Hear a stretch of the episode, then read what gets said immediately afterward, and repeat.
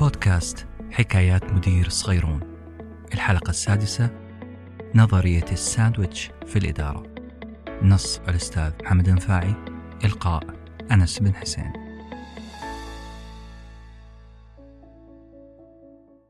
السلم الإداري يتكون عادة من عدة مستويات إدارية مستويات عليا ووسطى ودنيا أو إدارة تشغيلية. عليا وسطى ودنيا. هذه المستويات تختلف في حجمها حسب أهداف ونشاط المؤسسة. أول سلم إداري متصل مباشرة مع العمل اليومي هو سلم الإدارة الدنيا Front Line Management اللي هي الإدارة اللي على خط النار. اللي يقوم بهذا الدور في سلم الإدارة الدنيا يختلف مسماه ما بين المشرف أو قائد الفريق ال group leader أو رئيس الوحدة unit head هذا المستوى من الإدارة مسؤوليته الربط بين الإدارة العليا والموظفين التقنيين. الموظفين اللي يؤدون الأعمال المباشرة ينفذون استراتيجيات المؤسسة بشكل عام. يعني الإدارة الدنيا تقع في المنتصف بين الإدارة العليا وبين الموظفين. لكن ما علاقة هذا الدور الإداري بما أسميته بنظرية الساندويتش في الإدارة؟ كلمة ساندويتش هذه. من فين جات؟ وفي ماذا تستخدم بخصوص الإدارة. الساندويتش أو الشطيرة وفقا للمعاجم العربية هي خبزة قطعة خبز تشق من وسطها ويوضع فيها الغموس أو الإدام زي اللحم مثلا أو زبدة الفول السوداني إلى آخره. هذه المفردة اللي هي الساندويتش أو الشطيرة تحاكي تماما مهمة الإدارة الدنيا داخل المؤسسات. طيب خلونا شوية نمسك كلمة ساندويتش. ونحلل أصلها وفصلها عشان نعرف علاقتها بالإدارة الدنيا. أصدقائي هل تصدقون أن الساندويتش له يوم عالمي؟ جهزوا نفسكم في الثالث من نوفمبر للاحتفال بهذا الاختراع الفريد الساندويتش.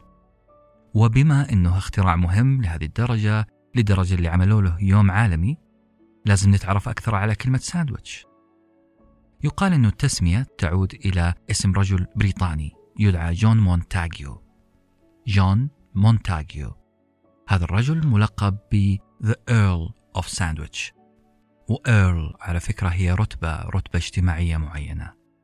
الأخ جون مونتاجيو عاش بين عام 1718 و 1792 ينحدر من عائلة أرستقراطية. اشتهر بين زملائه كشخصية سياسية بارزة لكن لا يخلو أي إنسان من العيوب.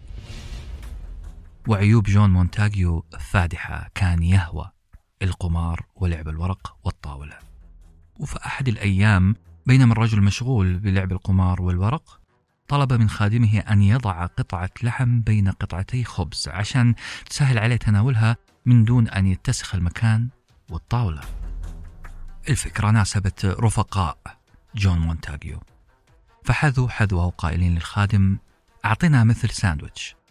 أعجبتهم الفكرة اللي سمحت لهم بالأكل واللعب في نفس الوقت وأصبحوا في كل مرة يطلبون وجبة ساندويتش. وهكذا إلى أن انتشرت هذه الوجبة الرغيفين وقطعة لحم بالداخل باسم ساندويتش. أما أصل كلمة ساندويتش من فين جاية؟ فيعود إلى مدينة ساندويتش في كنت بإنجلترا اللي كان جون مونتاجيو Earl عليها.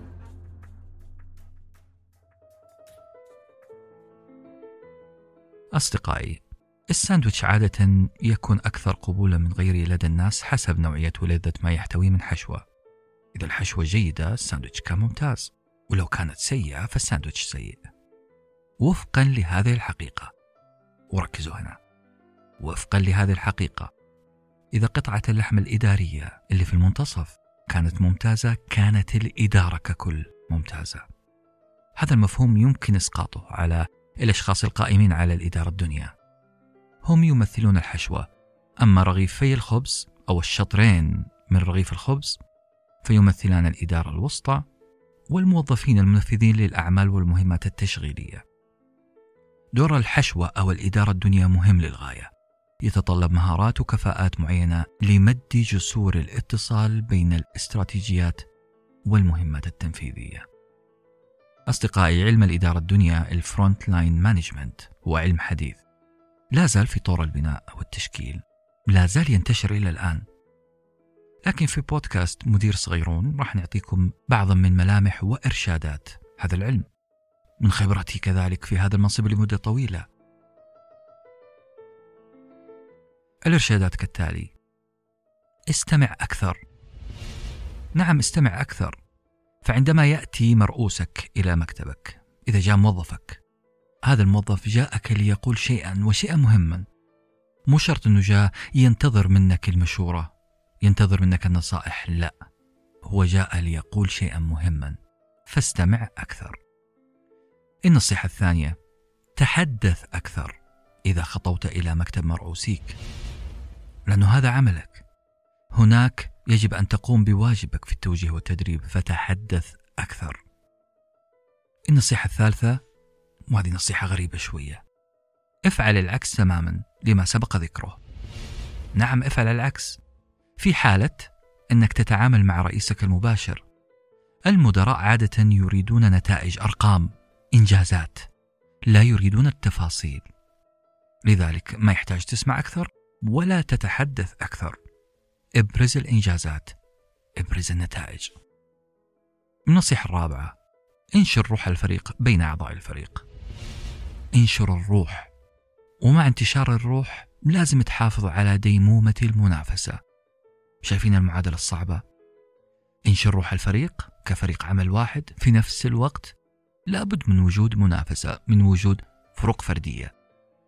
كل موظف من الموظفين يحاول أن يبرز هذا الفرق الفردي. هذا الفرق هذه القيمة المضافة التي ممكن أن يبرزها.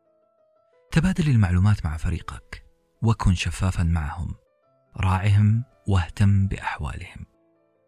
النصيحة الخامسة ادعم إدارتك من أجل البقاء على اتصال مع أحدث استراتيجيات وتوجهات الإدارة. وهذا ما هو كلام عام ولا هي كليشات خليك متواجد دائما عندما يحتاجونك. ادعم الإدارة من خلال تطوير معرفتك ومهارتك في تطبيق استراتيجيات وتوجهات الإدارة. خليك أحدث.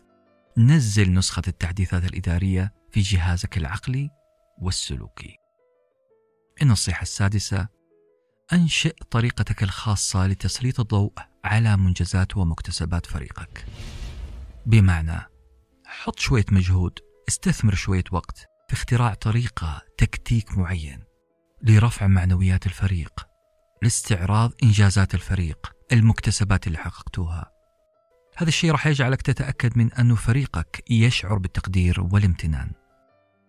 النصيحة السابعة ابدأ بالعمل على نقاط القوة لدى الناس. خليك كشاف مواهب خليك كشاف نقاط قوة.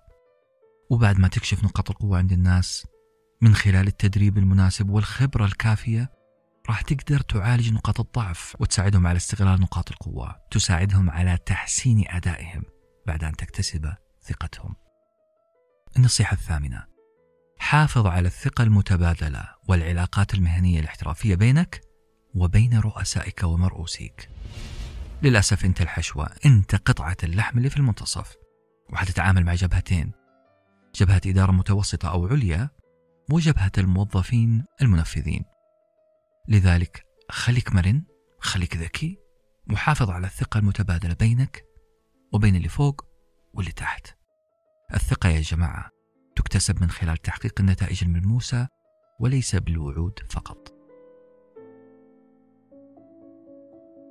صديقي المستمع وصديقتي المستمعة بما إنك دخلت عالم الإدارة الواسع كخطوة أولى من الأفضل إنك تتعلم إدارة أسلوب التعامل مع رئيسك. هذا الرجل له متطلبات يومية غير ما اعتدت عليه في مهامك السابقة. خلينا نفترض أنك انتقلت من موظف عادي إلى مدير أو مسؤول أو قائد فريق أو رئيس وحدة. أدوارك حتختلف. راح يكون من ضمن أدوارك مراعاة متطلبات رئيسك في العمل. قبل ما تكون ساندويتش لازم تعرف هذه المتطلبات. يجب أن تعرف أن رئيسك هو موظف مثلك تماما في نهاية الأمر ويحمل على عاتقه حاجاته ورغباته. يحمل طموحاته الخاصة يحمل لحظاته الجيدة والصعبة. والأهم من ذلك كله أن هذه المعرفة تعتبر تحدي أو بالأصح تحديات أكبر من التي لديك. عالم النفس السويسري ومؤسس علم النفس التحليلي كارل يونغ قال جملة مهمة جدا. يقول اجتماع الشخصيتين يشبه تقابل مادتين كيميائيتين. إذا حدث بين هذه المادتين تفاعل كلاهما سيتحولان من هذه المقولة انطلق معهد هارفارد للتدريس الإداري. بالأصح تبنى هذا الاقتباس في مادة التدريب التفاعلي اللي اسمها إدارة رئيسك Managing Upward. التركيز على كيف تدير رئيسك هدفه هو تحقيق نموك المهني وتأمين أهدافك الشخصية في عملك من خلال مدراءك بدون الإخلال بعلاقاتك مع موظفينك أو زملائك أو زبائنك أو حتى قيم الشركة العليا. هناك دراسات كثيرة أثبتت أن الموظفين لا يغادرون وظائفهم بل يغادرون رؤساءهم. ما أراه من وجهة نظري أن المشكلة أنهم لم يعرفوا كيف يديرون رؤسائهم بشكل أفضل. ما نسعى إليه هو مساعدتك لتتمكن من إظهار شخصيتك بشكل رائع. مع زيادة فرص نجاحك المهني الحالي. ليش ما نتعلم من أطفالنا وعائلاتنا ونقتبس منهم كيف يديرون ويحصلون على ما يريدون بسلاسة وبدون احتكاك معنا؟ هم يفعلون ذلك لأنهم أظهروا لنا الولاء الاعتمادية الشغف والعطف. عرفوا كيف يديرون المدير. هم ببساطة يعرفون احتياجاتنا. أصدقائي أنا شخصيا أرى أن المهارة والموهبة تلعب دور أكبر من مجرد تعلم تقنيات معينة تمكننا من إدارة رؤسائنا بمهارة. لكن هذا ما يمنعني ولا يعوقني من مشاركتك عزيزي المستمع. لخمس مهارات تحتاجها أنت وأنا طبعا للتميز في هذا الجانب. النصيحة الأولى دائما كن جاهزا لمجابهة الأزمات ومتواجد عندما يحتاجك رئيسك. النصيحة الثانية امنع واحسم قدر ما تستطيع المشاكل قبل أن تتطور قبل أن تتفاقم قبل أن تصبح كرة ثلج وتتحول لأزمة. النصيحة الثالثة اعرف طريقة رئيسك في التواصل. وهذا طبعا الاستفادة القصوى والتأكد من أن التواصل معه دائما فعال. النصيحة الرابعة حاول أن تعرف نقاط ضعف رئيسك. وساعده بدون علمه للتغلب عليها. هذه مهمة شاقة بلا شك لكن ثمارها عظيمة. والنصيحة الخامسة تحاشى أن تكون دفاعيا عندما تتلقى النصائح والتوجيهات. عندما تتدرب عندما تتلقى التعليمات لا تكن دفاعي. حتى لو كانت هذه التعليقات وهذه التوجيهات والتعليمات غير منصفة بعض الأحيان. البعض من المدراء يظن أنها مسألة تحفيزية هو يعتقد بأنه قاعد يحفزك. حاول أنك تعبر عن نفسك بطريقة مناسبة ومثالية. ختاما ينبغي على أي قائد في الإدارة الدنيا الإدارة اللي قاعدين نتكلم عنها طول الحلقة ينبغي عليه الاستفادة الكاملة من كونه ساندويتش. في هذه الطبقة الساندويتشية في هذا المستوى من الإدارة تتاح لك فرص كثيرة من خلال الاحتكاك والتعامل مع ناس متنوعين سواء في الجنسيات أو الثقافات أو العمر أو الكفاءات أو حتى في المستوى الوظيفي. والأهم أن تخطو خطوتك الأولى في التعامل مع مجالس الإدارة العليا والوسطى. انتهت حكايتنا اليوم وإلى لقاء قادم مع بودكاست حكايات مدير صغيرون اللي شعره. العلم من الرأس إلى البودكاست. في أمان الله.